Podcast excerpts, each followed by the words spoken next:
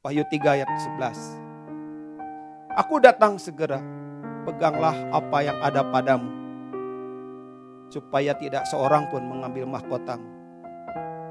Ayat ini berbicara kepada kita bahwa mahkota bisa diambil. Mahkota bisa lepas. Mahkota yang harusnya diletakkan Tuhan di kepala kita. Tapi menjelang kita mau nyampe, kita lepas. Kita tersandung, kita kecewa, kita meninggalkan Tuhan. Maka lihat, ayat ini berbicara, peganglah yang ada padamu. Peganglah dengan sungguh-sungguh. Peganglah dengan kemurnian. Peganglah dengan hati yang tulus.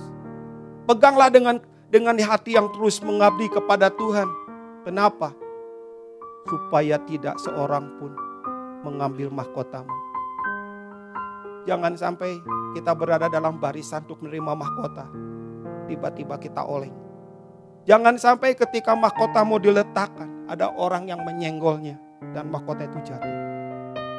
Jangan sampai segala sesuatu yang ada dalam hati kita ternyata gak sesuai dengan yang Tuhan mau. Kekristenan bukan apa yang kita kerjakan. Kekristenan tentang apa yang Bapak kerjakan dalam hidup kita. Kalau kekristenan sudah gak ada lagi templakan roh kudus. Berarti betapa gelapnya hidup kita.